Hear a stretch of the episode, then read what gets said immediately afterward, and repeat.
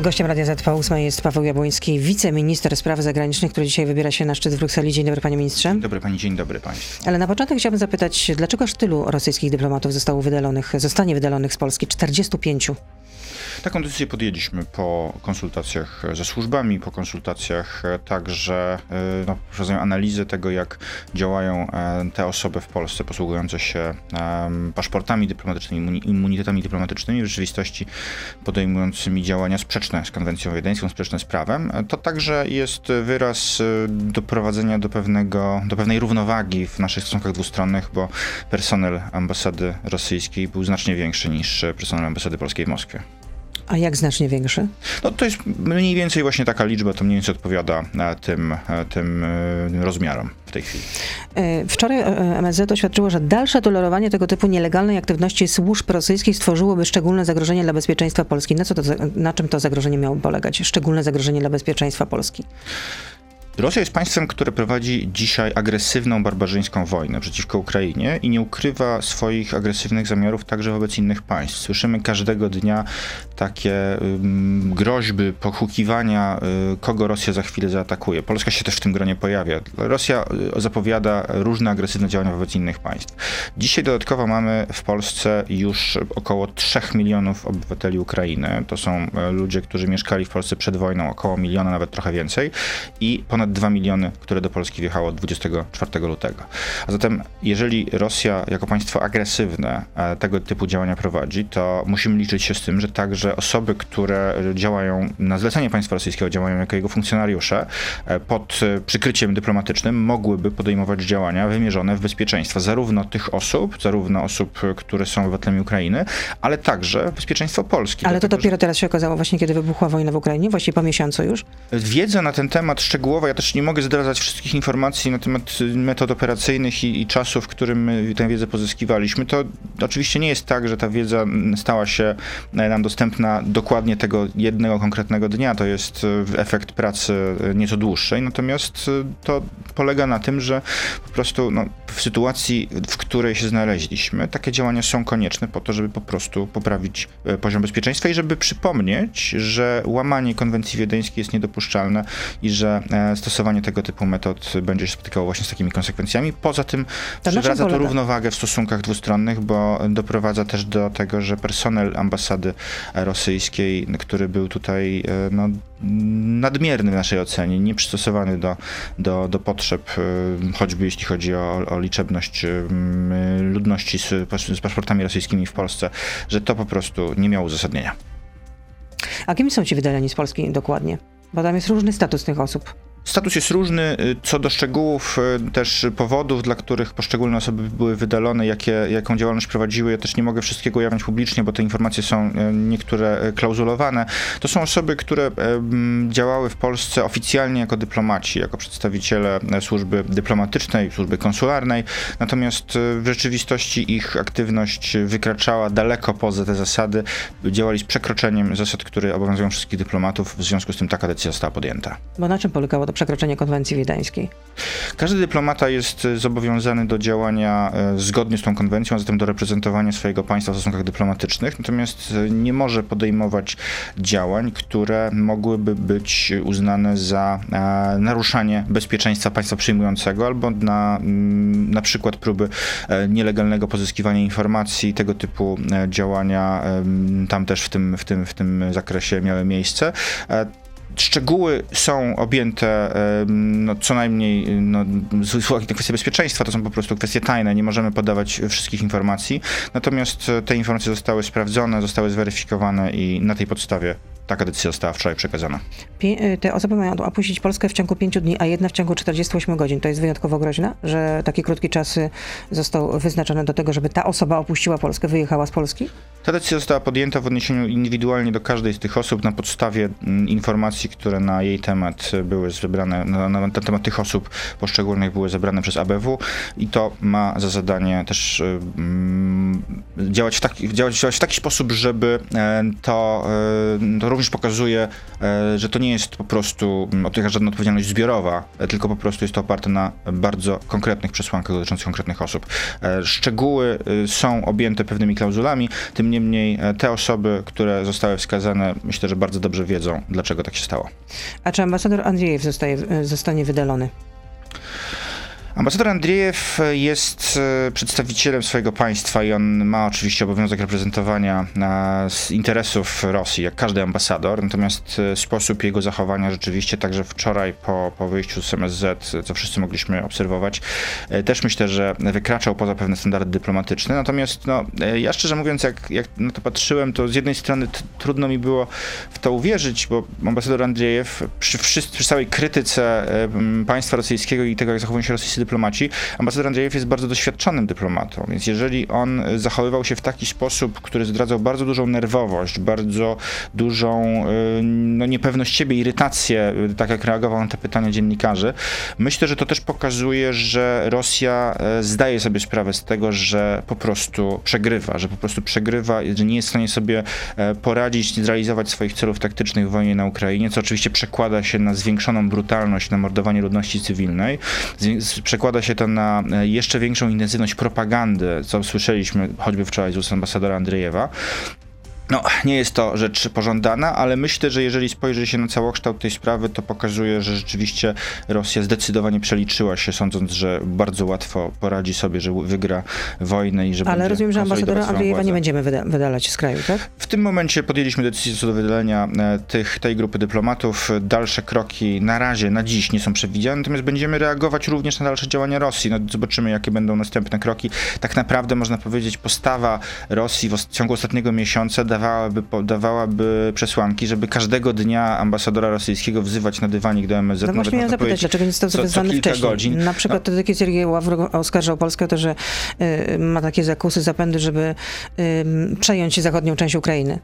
Rosja przez ten ostatni miesiąc, a także wcześniej, w poprzednich tygodniach, wielokrotnie w swoich i wypowiedziach, y, i, i innych działaniach dawała podstawy do tego typu kroków. Natomiast, prawdę powiedziawszy, jak się obserwuje to, co dzieje się na Ukrainie, to, to my musielibyśmy ambasadora Rosji wzywać co kilka godzin po każdym bombardowaniu szpitala, po każdym zabójstwie e, grupy ludności cywilnej. To są rzeczy, które są absolutnie niedopuszczalne. Natomiast no, dyplomacja polega też na tym, że czasami pewne kroki, które są wykonywane, mogą mieć pewne znaczenie symboliczne, natomiast realnie nie ma z nich złudzeń, że to cokolwiek zmieni, no bo takie jest po prostu postępowanie no, rosyjskiej dyplomacji.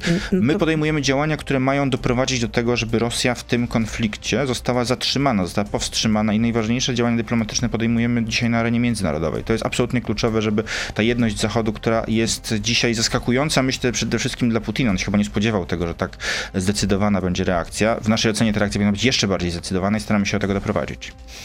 No, rosyjski ambasador y, zapowiedział y, kroki odwetowe. To czego możemy się spodziewać? Że Rosja też wyrzuci polskich dyplomatów teraz? Symetrycznie, czy będzie ich więcej? Rosja jest dzisiaj zdolna do, do bardzo daleko idących działań. Doskonale sobie zdajemy z tego sprawę i spodziewamy się, że jakieś działania zostaną podjęte. Zobaczymy, jakie to będą działania. Będziemy na to adekwatnie też reagować. To nie jest tak, że my dziś wykonaliśmy krok ostateczny i, i dalej już Żadne działania nie są przewidziane. Czyli ciąg dalszy może nastąpić, na dziś, tak? Takich, Jeśli chodzi żadnych, o wydalanie rosyjskich dyplomatów, tak? Na dziś żadnych kroków dalszych, takich, które miałyby na przykład wydarzyć się, się, się, się w ciągu dziś, dzisiejszego czy jutrzejszego dnia nie planujemy, ale będziemy elastycznie reagować na sytuację. No to jest naturalne w dyplomacji, zwłaszcza w tak dynamicznych e, warunkach, w których jesteśmy od miesiąca, gdzie każdego dnia w zasadzie pojawiają się nowe okoliczności, każdego dnia e, zmienia się też podejście na coraz ostrzejsze, coraz to nowe sankcje. Dzisiaj o tym będzie rozmawiał w Brukseli premier Morawiecki, a prezydent Duda na szczycie NATO o wsparciu obrony Ukrainy. No to w takim razie z jaką agendą właśnie jedziemy na ten szczyt unijny? Na szczycie unijnym przede wszystkim premier będzie mówił o konieczności jeszcze większego wsparcia dla Ukrainy, zarówno jeśli chodzi o wsparcie obrony, ale także jeśli chodzi o wsparcie uchodźców i krajów, które uchodźców przyjmują, bo ta solidarność musi być dużo większa. Jest już znacznie większe zrozumienie po stronie Komisji Europejskiej. My z Komisją rozmawiamy od kilku tygodni na temat tego, jak te środki powinny być uruchamiane. E, na, na dziś sytuacja wygląda tak, że Komisja zaproponowała pewne zmiany w istniejących programach, pewne przesunięcia, w zasadzie nawet nie tyle przesunięcia, co możliwość wykorzystania e, części środków, które są zaplanowane na nieco inne cele. Naszym A może pan powiedzieć konkretnie, wciąż... czy w takim razie dostaniemy pieniądze e, z Unii Europejskiej na pomoc dla uchodźców? Czy polski rząd to wystąpił? Mamy dziś y, takie bardzo głębokie przekonanie, że wszelkie e, próby y, powstrzymywania czy wstrzymywania środków dla jakiegokolwiek państwa, które uchodźców przyjmuje, e, z powodów, które nie dotyczą tej wojny, nie dotyczą tego, co dziś jest absolutnie najważniejszym wyzwaniem, że takie działania są po prostu niewłaściwe. Unia Europejska powinna być solidarna. Dzisiaj myślę, że nikt nie ma wątpliwości, kto broni wartości europejskich. Tych wartości europejskich broni się Ukraina.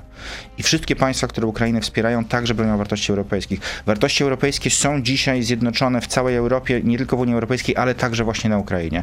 Po drugiej stronie jest Rosja. Jeżeli my będziemy się kłócić wewnętrznie i będą podziały w Unii Europejskiej, to Rosja będzie na tym korzystała. To jeszcze na koniec części radiowej zapytam, czy warto w ogóle utrzymywać jeszcze stosunki dyplomatyczne z Rosją?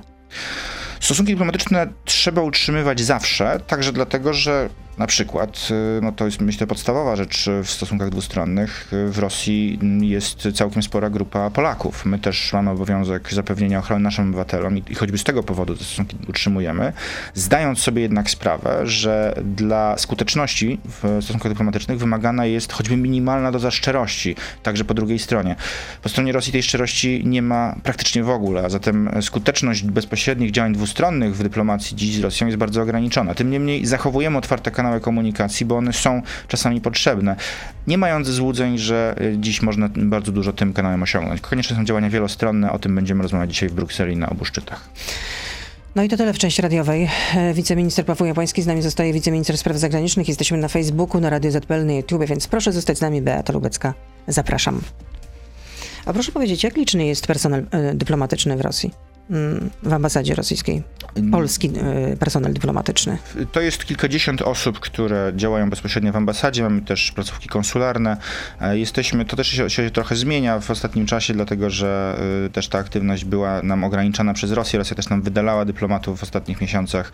Były takie działania podejmowane, więc staramy się cały czas zapewniać tą pomoc, przede wszystkim konsularną w tym momencie naszym obywatelom, którzy są w Rosji. Spora część obywateli Polski Rosję opuściła zgodnie z sugestiami kwestiami MSZ, które już kilka tygodni temu zostały, e, zostały opublikowane i my do tego też zachęcamy, że jeżeli ktoś nie ma e, koniecznej potrzeby e, przebywania w Rosji, także na Białorusi, to żeby opuścił te terytorium tych krajów, dlatego że w aktualnej sytuacji zapewnienie tej ochrony w sposób efektywny jest po prostu utrudnione z uwagi na działania Rosji. No, ale na przykład nasi sąsiedzi, czyli Czesi, mm, można powiedzieć, że chyba byli bardziej aktywni, bo kilka dni po wybuchu wojny zdecydowali się na to, żeby pozamykać rosyjskie konsulaty w Brnie, Karlowych Warach, też był konsulat honorowy w Ostrawie. To są działania, które każde państwo podejmuje też samodzielnie, część, znaczna część ich jest skoordynowana. My także podjęliśmy te działania na przykład w odniesieniu do nieruchomości rosyjskich. Tutaj wspólnie z samorządami rząd e, takie działania podjął. To dotyczy zarówno Warszawy, jest podobna sytuacja w Gdańsku, są różne nieruchomości, które były e, przez długie lata e, przez Rosję użytkowane w sposób bezprawny. Tytuły egzekucyjne, wyroki sądowe, teraz zmierzamy do ich wykonania. Te działania są podejmowane i zachęcamy też naszych pozostałych sojuszników, żeby takie kroki podejmowali, bo ta odpowiedź powinna być skoordynowana i zdecydowana. A kiedy y, Komisja Europejska odmrozi pieniądze w ramach pieniądze na krajowy plan odbudowy na KPO? No mamy nadzieję, że to nastąpi najszybciej jak to możliwe, dlatego że... No, lada chwila, tak jak mówił minister rozwoju Piotr Nowak? Bo taki dwugłos wczoraj mieliśmy, z dwugłosem mieliśmy do czynienia. O co chodzi? Minister rozwoju mówił, że właściwie sprawa jest przesądzona, polityczna zgoda już zapadła w ramach Komisji Europejskiej i yy, na linii z Polską, polskim rządem. W związku z tym, no lada chwila te środki zostaną odmrożone, ale co innego mówili na przykład rzecznik rządu, w tym studiu zresztą, albo szef kancelarii premiera w innym studiu, że yy, sprawa jeszcze nie jest przesądzona i że to dale, dalecy jesteśmy od optymizmu.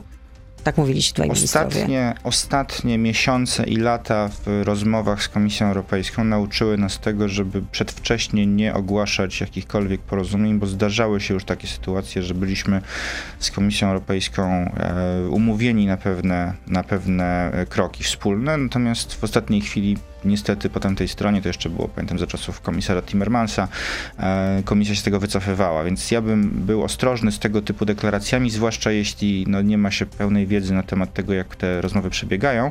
E, rozmowy są Ale pan jest w zespole negocjacyjnym, tak? Ja w pewnym zakresie w tym uczestniczę. Ja mogę powiedzieć tyle, że jesteśmy, jak się wydaje, znacznie bliżej niż było e, to jeszcze kilka tygodni temu, czy kilkanaście tygodni temu. Natomiast do ogłaszania jakichkolwiek ostatecznych porozumień jeszcze bym się tak nie wyrywał. Myślę, że to jest, mam taką nadzieję, że ta zgoda polityczna nastąpi, natomiast no, to, co jest dzisiaj najbardziej kluczowe, to to, czy Unia Europejska może pozwolić sobie na utrzymywanie pewnych konfliktów wywołanych z powodów stricte politycznych, bo nikt nie ma wątpliwości, że to tak naprawdę są przyczyny polityczne. Spory między różnymi państwami członkowskimi istnieją, nie jest to tajemnicą. Natomiast jesteśmy dziś w sytuacji zagrożenia bezpieczeństwa nie tylko Ukrainy, ale całej Europy. I każdy rozsądny człowiek zdaje sobie z tego sprawę. Jeżeli mamy w Europie dzisiaj ponad 3 miliony uchodźców z Ukrainy, niewykluczone, że ta liczba wzrośnie jeszcze nawet dwukrotnie albo i trzykrotnie, w zależności od tego, co będzie robiła Rosja, no to wstrzymywanie jakichkolwiek środków dla państw członkowskich, które będą ponosić potężne koszty na integrację uchodźców Ale przecież środki z KPO jest po prostu niewłaściwe. To nie są środki, które mają zostać przeznaczone na pomoc dla uchodźców. To są zupełnie dwie różne środki sprawy. Środki z KPO są środkami przeznaczonymi na rozbudowę także krajowego, krajowych systemów e, opieki zdrowotnej, edukacji, e, także wsparcia dla e, nowoczesnego rynku pracy, żeby odciążyć system opieki społecznej. I te wszystkie działania dziś są Polsce jeszcze bardziej potrzebne, dlatego że my nagle staliśmy się społeczeństwem o 2 miliony większym i te wszystkie środki, które mieliśmy w planach krajowych i regionalnych w poszczególnych województwach przeznaczone na przykład na budowę nowych szpitali, szkół, unowocześnienie całego systemu, to dziś stało się jeszcze bardziej niezbędne, bo nasze zasoby muszą wzrosnąć jeszcze właściwie można powiedzieć około no to 10%. w takim razie te pieniądze z KPO będziemy przeznaczać na pomoc dla uchodźców? Będziemy przeznaczać na budowę długoterminowego systemu. Pomoc dla uchodźców taka w pierwszym rzędzie, która jest udzielana, centra recepcyjne, te mechanizmy wsparcia w pierwszych dniach i godzinach, to jest oczywiście z, z innych źródeł. Natomiast my mówimy tu o budowie systemu, który pozwoli zintegrować te osoby, nie wiemy ile osób zostanie na stałe, część, na część osób chciałaby wrócić do domu na Ukrainę jak najszybciej, oby to było możliwe. No tak, ale, dlaczego tam wracać, jak Ukraina jest sprawę, niszczona regularnie przez, no i niestety, przez wojska rosyjskie? Niestety jest taka Równa sytuacja, że wiele z tych osób nie będzie mogło wrócić do domów bardzo szybko, więc będą chciały zostać w Polsce, a my jako państwo będziemy musieli zapewnić im dostęp do systemu edukacji, do systemu ochrony zdrowia, do systemu opieki społecznej. To są kobiety i dzieci najczęściej. Nie wszystkie mogą pracować w pełnym wymiarze czasu. Część Czy będzie w ogóle mogą, mogą? Część może, część nie. No, no właśnie, my też staramy się pytanie, na rynku pracy na to uelastycznić. Natomiast te pieniądze są niezbędne. Co więcej, potrzebne jest także zwiększenie tych środków dla państw, które uchodźców przyjmują, dlatego że jeżeli mamy do czynienia wyłącznie z przenoszeniem środków z jednego koszyka do drugiego bez realnego zwiększenia wsparcia, potrzeby, które były po covid przecież wcale nie zniknęły. One cały czas są, a teraz doszły nam jeszcze nowe i to na ogromną skalę. No, I o tym rozmawiamy z komisją, o tym było spotkanie, była, była rozmowa w poniedziałek z przedstawicielami dyrekcji generalnych, we wtorek była delegacja komisji w Warszawie. Te rozmowy robocze cały czas się toczą, natomiast bardzo istotne będą rozmowy polityczne i o tym dzisiaj będzie także premier rozmawiał na Radzie Europejskiej. No nie wiem, czy pan wie, ale unijny komisarz do spraw migracji, Margaret Hinas, w, w rozmowie z korespondentką Polsat News powiedział, że zwiększymy pomoc dla uchodźców z Ukrainy do 10 miliardów euro, a Polska będzie jednym z największych beneficjentów tych środków. Na ten moment rzeczywiście komisja deklaruje taką gotowość, ale musimy to bardzo mocno podkreślić. Dziś jest to wyłącznie kwestia um, przekładania pewnych pieniędzy, które już były zaplanowane także dla Polski i możliwości przeznaczenia ich na inne cele. To nie jest zwiększenie tej sumy. Oczywiście my sobie zdajemy sprawę, że zwiększenie środków na e, konkretne państwa jest trudne w realiach budżetu unijnego, ale będziemy rozmawiali o tym, żeby znaleźć nowe źródła i o tym dzisiaj premier także będzie mówił, żeby Komisja Europejska znalazła dodatkowe środki, które będą przeznaczone właśnie wyłącznie na te cele średnio i długoterminowej pomocy uchodźcom, czyli państwom członkowskim, które ich przyjmują. A czy sprawa tranzytu, zakazu tranzytu do Rosji i Białorusi też będzie poruszona? I to jest druga sprawa, z którą dziś premier jedzie na Radę Europejską, jeszcze większe wzmocnienie sankcji. My uważamy, że cały czas te sankcje powinny być ostrzejsze. Kwestia zablokowania jeszcze mocniejszego transportu drogowego i morskiego będzie na, dzisiaj na Naprawdę nie możemy zrobić tego bez oglądania się na Unię Europejską? Pani redaktor, możemy zrobić bardzo dużo, natomiast jesteśmy w Unii Europejskiej i akurat polityka celna i polityka handlowa jest polityką zharmonizowaną. Jeżeli byśmy to zrobili, z całą pewnością będą protesty innych państw i będziemy poddawani również procedurom, również procedurom naruszeniowym w ramach Unii Europejskiej. Tak to działa. Niestety ostatnie kilka lat pokazało, że e, w wielu instytucjach unijnych jest duży apetyt, żeby stosować różne procedury przeciwko Polsce, przykład przed Trybunałem Sprawiedliwości. Premier już kilka tygodni temu w, w Rzeszowie, kiedy był e, Charles Michel, przewodniczący Rady Europejskiej, zwrócił się o jedną rzecz. Jeżeli będzie jasna deklaracja ze strony Unii Europejskiej, że Polska nie zostanie pozwana do Trybunału Sprawiedliwości, jeśli wprowadzi indywidualne ograniczenia, to Polska to jest gotowa zrobić. Taka deklaracja nie padła, co oznacza, że prawdopodobnie tego rodzaju kroki by nastąpiły. Sytuacja jest dynamiczna. Ja przypomnę tylko, co, co działo się miesiąc temu. W dzień wybuchu wojny też była Rada Europejska Premier wtedy pojechał z pomysłem e, między innymi zamknięcia przestrzeni powietrznej. Nie było wtedy na to zgody, natomiast dzień później, nie, przestrzeń powietrzna została zamknięta, natomiast dzień A, później... Dla, w tym sensie, żeby nie podróżowały... E, żeby nie podróżowały samoloty rosyjskie, rosyjskie tak, na terytorium Unii Europejskiej. No ja myślałam o tym, żeby zamknąć przestrzeń nad Ukrainą. Nie, mówimy o, o, się. o kwestiach unijnych, bo mhm, tak, zamknięcie tak. przestrzeni powietrznej to nad, nad Ukrainą to jest kwestia natowska. Tak. W kwestiach unijnych tu rzeczywiście e, za inicjatywą Polski poszły inne państwa i ta przestrzeń powietrzna została zamknięta. W tych sprawach, czy to transportu, czy to węglowodorów, bo to jest niezwykle istotna sprawa. Ropa, węgiel, gaz, nawet w kolejności przede wszystkim ropa jest największym y, źródłem dochodów, w następnej kolejności gaz, w następnej kolejności węgiel. I o tym też dzisiaj będziemy rozmawiali. Cały czas jest duży opór, ale też jest bardzo, bardzo ciężka praca ekspertów, na przykład z Polskiego Instytutu Ekonomicznego, także z niemieckimi kolegami, którzy przedstawili, jakie będą konsekwencje dla gospodarki europejskiej. Te konsekwencje wcale nie będą aż tak duże, jak niektórzy by straszyli. Będziemy zachęcali do tego, żeby być gotowym do ich poniesienia, bo konsekwencje są i tak. Konsekwencje nie wynikają z sankcji. Konsekwencje wynikają z wojny. Jeśli nie zatrzymamy tej wojny, to Putin ją wygra i będą kolejne wojny i będzie mieć jeszcze większe koszty, jeszcze większe konsekwencje. Nie wiem, czy pan słyszał taką wypowiedź Sławomira Mencena z Konfederacji. Mm, w jednym z wywiadów radiowych powiedział, że Ukraina chce wciągnąć Polskę do, do wojny, ale mamy inne, inne interesy, Ukraina-Polska i to w naszym interesie nie leży, absolutnie. Pani redaktor, politycy Konfederacji y, myślę, że powinni zastanowić się, jaka jest ich y, strategia, jaka jest ich, jakie jest ich podejście do tej sprawy, no bo ja słyszę bardzo różne wypowiedzi. No, to, co mówi y, pan poseł Janusz Korwin-Mikke, nie wiem, jaką on pełni aktualnie funkcję, no ale jest uznawany za jednego z liderów Konfederacji. No, są to wypowiedzi absolutnie prorosyjskie, absolutnie wspierające nawet tą fałszywą, tą kłamliwą propagandę kremlowską. Jeśli inni politycy, czy pan Mencen, czy inni politycy mówią, że my się e, nie powinniśmy dawać wciągać w wojnę, to sądzę, że oni powinni się trochę jednak obudzić i zorientować, że wojna jest wywołana przez Rosję, nie przez Ukrainę. Jeżeli my będziemy stać z boku i pozwolimy Putinowi pokonać Ukrainę, to Putin się nie zatrzyma i będzie atakował kolejne państwa i być może będzie kiedyś chciał zaatakować także Polskę. Zresztą to w propagandzie rosyjskiej już się pojawia. Więc to nie jest kwestia no, wciągania nas do się, wojny. Że, że Warszawa zniknie w 30 sekund. To nie jest kwestia wciągania nas do wojny. Jeżeli my chcemy uniknąć wojny, to powinniśmy dzisiaj jak najbardziej pomóc Ukrainie, bo to Ukraina dzisiaj walczy także o Polskę. A co się dzieje Pana zdaniem z ministrem obrony? Y, Rosji, Siergiejem Szojgu, bo od 11, od 11 y, marca się nie pokazuje. Podobno jest chory, podobno jakaś choroba serca wchodzi w grę, ale to jest nieweryfikowalne w, tradycji rosyjskiej, sowieckiej także różne choroby tego typu kończyły się część, często y, w sposób, można powiedzieć, ostateczny dla, dla tych, którzy y, były, którzy, którzy byli najpierw przedstawiani jako osoby, które się na, na, na jakieś zwolnienia chorobowe udają. Trudno powiedzieć, y, oczywiście ta zasłona propagandowa jest bardzo szczelna, ale sądzę, że wszyscy w Rosji zdają sobie sprawę z tego, że fatalne przygotowanie armii rosyjskiej, które zostało ujawnione i każdego dnia się ujawnia e, nieprzygotowanie i, i, i logistyczne, i taktyczne. No, ten mit niezwyciężonej e, armii, drugiej armii świata po prostu rozpadł się na naszych oczach. To pana Sądzę, zdanie, że pana minister zdanie. obrony Rosji no, spotykają go za te konsekwencje. To znaczy, że trwa szukanie winnych, tak?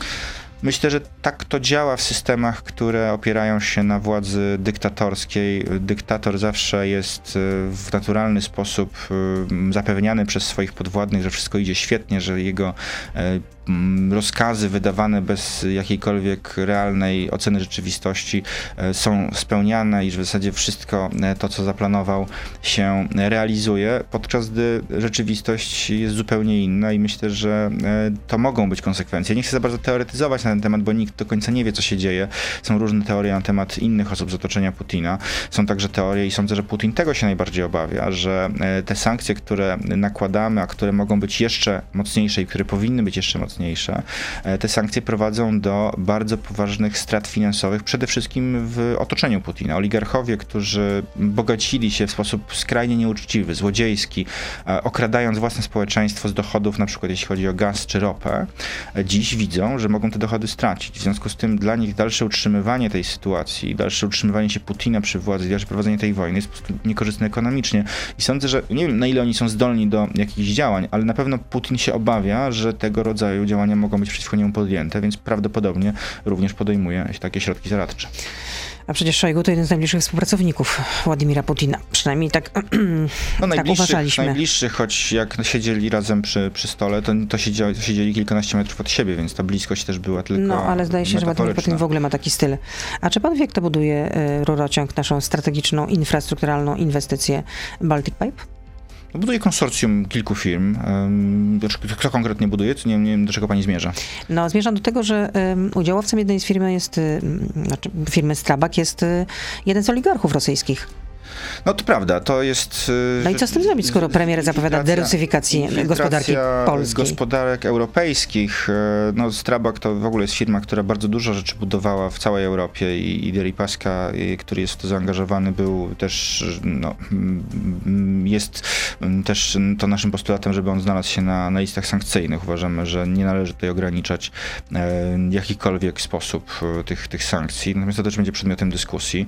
A my uważamy, że ta derys- derusyfikacja powinna być pełna, że powinno nastąpić nie tylko zamrożenie aktywów rosyjskich oligarchów, ale ich pełna konfiskata. Ale, ale jak w zwłaszcza przypadku tej tych, inwestycji, która jest tak kluczowa dla nas, przecież ma zostać dokończona e, do, do końca tego roku. W związku z tym, no co z tym zrobić, no, skoro ma być derusyfikacja? Inwestycja, inwestycja, inwestycja idzie do przodu, niezależnie od tego, kto jest udziałowcem tej firmy i ta inwestycja nie jest zagrożona. My tutaj przede wszystkim z rządem duńskim bardzo ściśle współpracujemy. Były próby em, zatrzymania tej inwestycji czy jej opóźnienia, ale to się posuwa naprawdę dobrze do przodu i powinniśmy już od października mieć tą inwestycję uruchomioną.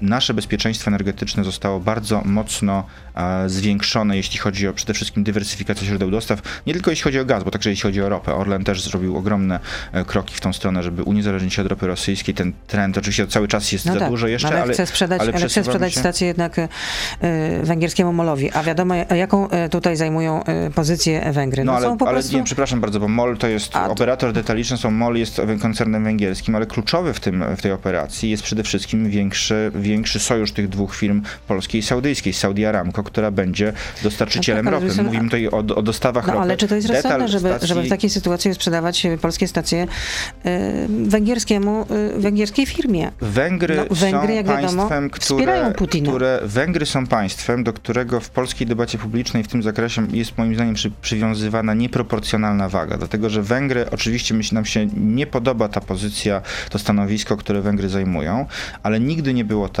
żeby Węgry samodzielnie jakiekolwiek sankcje blokowały. Jeżeli sankcji nie blokowałyby inne państwa, zwłaszcza te największe, zwłaszcza Niemcy, no, które tutaj, kanclerz Scholz jest bardzo otwarty w tym, on dokonał pewnego zwrotu, jak się wydawało, zaraz po wybuchu wojny, zaczął y, zapowiadać, że Niemcy będą zmieniały swoją politykę, ale najwyraźniej te naciski wewnętrzne są na tyle duże, że on dziś bardzo mocno wypowiada się przeciwko sankcjom na ropę i na gaz, zwłaszcza na gaz. Więc my przede wszystkim musimy pracować dzisiaj nad tymi, którzy pociągają realnie za sznurki w Unii Europejskiej i to są Niemcy. Niemcy są 9 razy większe od Węgier. I jestem przekonany, że jeżeli Niemcy te, te sankcje odblokują, to Węgry też nie będą w stanie ich zablokować. No to Jacek pyta jeszcze, czy wierzy pan TVP? Jechałem pełnym pociągiem Intercity. To była masakra w porównaniu z tym, co mówi TVP. Konduktor przyznał, że Ukraińcy już, e, jeśli nie znajdą miejsca w Poznaniu, to jadą do Wrocławia. Jeśli tam nie będzie miejsca, to kolejne miasto wchodzi w grę.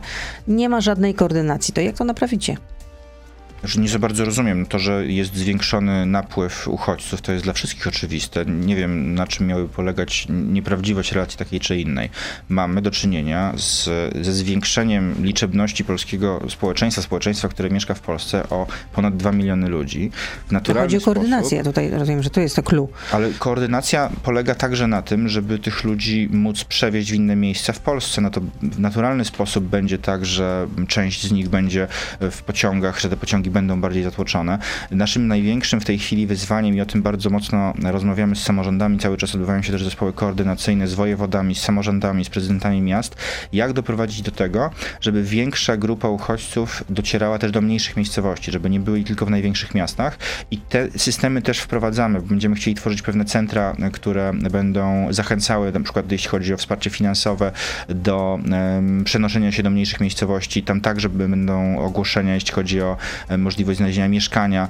Pracujemy nad tym systemem. To wszystko jest e, praca, która odbywa się w pewnym sensie na żywym organizmie. Skala jest tak duża, że musimy to robić po prostu na bieżąco, ale naprawdę i samorządowcy, i wojewodowie każdego dnia w tej sprawie pracują, bo chcemy doprowadzić do tego, żeby odciążyć te miejsca, które są dzisiaj najbardziej obciążone e, tym nagłym napływem kilkuset tysięcy ludzi. A co to znaczy, że powołacie centra? Czy my utworzycie centra? To na czym to będzie polegać? Chcemy stworzyć system, który będzie e, prowadził do tego, że do ludzi, którzy docierają bezpośrednio z Ukrainy do największych miast, bo najczęściej tak to wygląda, że przechodzą przez granicę, docierają do centrów recepcyjnych, a potem albo autobusami lub pociągami docierają do Warszawy, Krakowa, Wrocławia, Katowic, jeszcze kilku innych dużych miast, żeby e, następnie docierała do nich w znacznie szerszym zakresie niż dotąd informacja o możliwości przeniesienia się kilkadziesiąt kilometrów dalej, do innych Do miejscowości.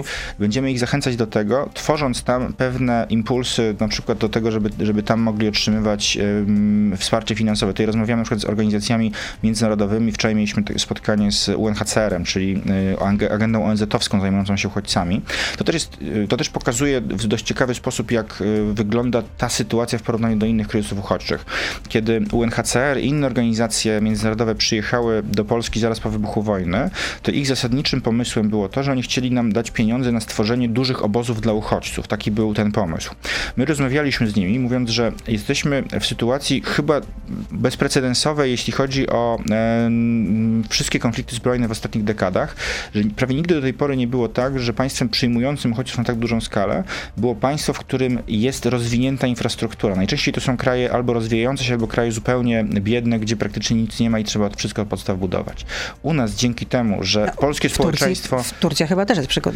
Turcja tak, ale, ale w, Turcji, w Turcji też było trochę inaczej, bo większość uchodźców trafiała do tej, do tej mniej rozwiniętej części Turcji. To było też trochę inaczej skonstruowane. Zresztą Turcy podjęli taką decyzję, żeby te obozy e, też e, tworzyć. Natomiast u nas dzięki ogromnemu wysiłkowi całego polskiego społeczeństwa, dzięki tej wielkiej solidarności, która od pierwszych dni miała miejsce, dzięki gotowości ludzi do przyjmowania Ukraińców po prostu do swoich domów, tak naprawdę nie mieliśmy nigdy takiej potrzeby. I ten system, oczywiście No to istnieją taka te sytuacja centra... nie będzie trwała w Taka nieskończoność. sytuacja będzie trwała w nieskończoność, ale my cały czas staramy się zwiększać te, tę dostępność, także dzięki ustawie, która zapewnia to, też to wsparcie finansowe dla osób przyjmujących uchodźców.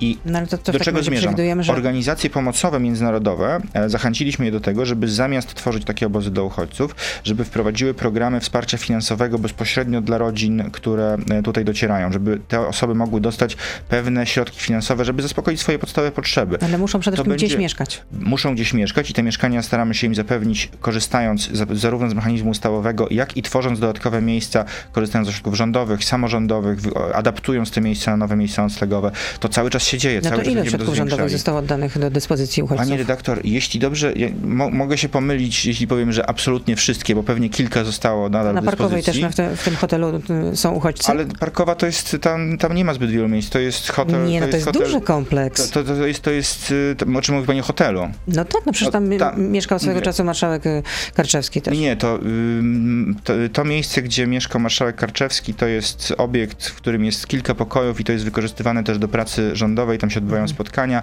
Natomiast ja mówię tutaj o obiektach hotelowych. Obiekty hotelowe, które są w całej Polsce, to są- jest administracja centralna, to są urzędy wojewódzkie, to są poszczególne agencje, policja, CBA i tak dalej.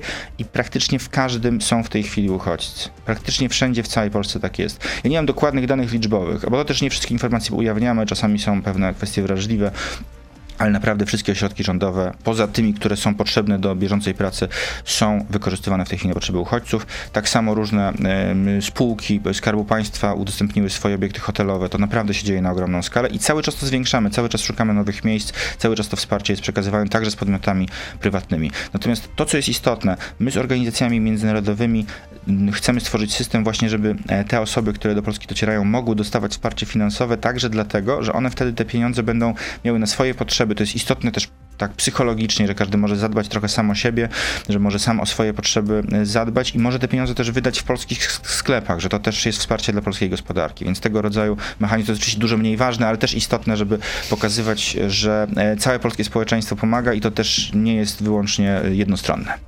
Dziękuję za rozmowę. Paweł Jabłoński, wiceminister spraw zagranicznych, był z nami tuż przed szczytem unijnym, dwudniowym. bardzo. Dziękuję Dobrego bardzo. dnia. To był gość Radia Z. Słuchaj codziennie w Radio Z i na player radioz.pl.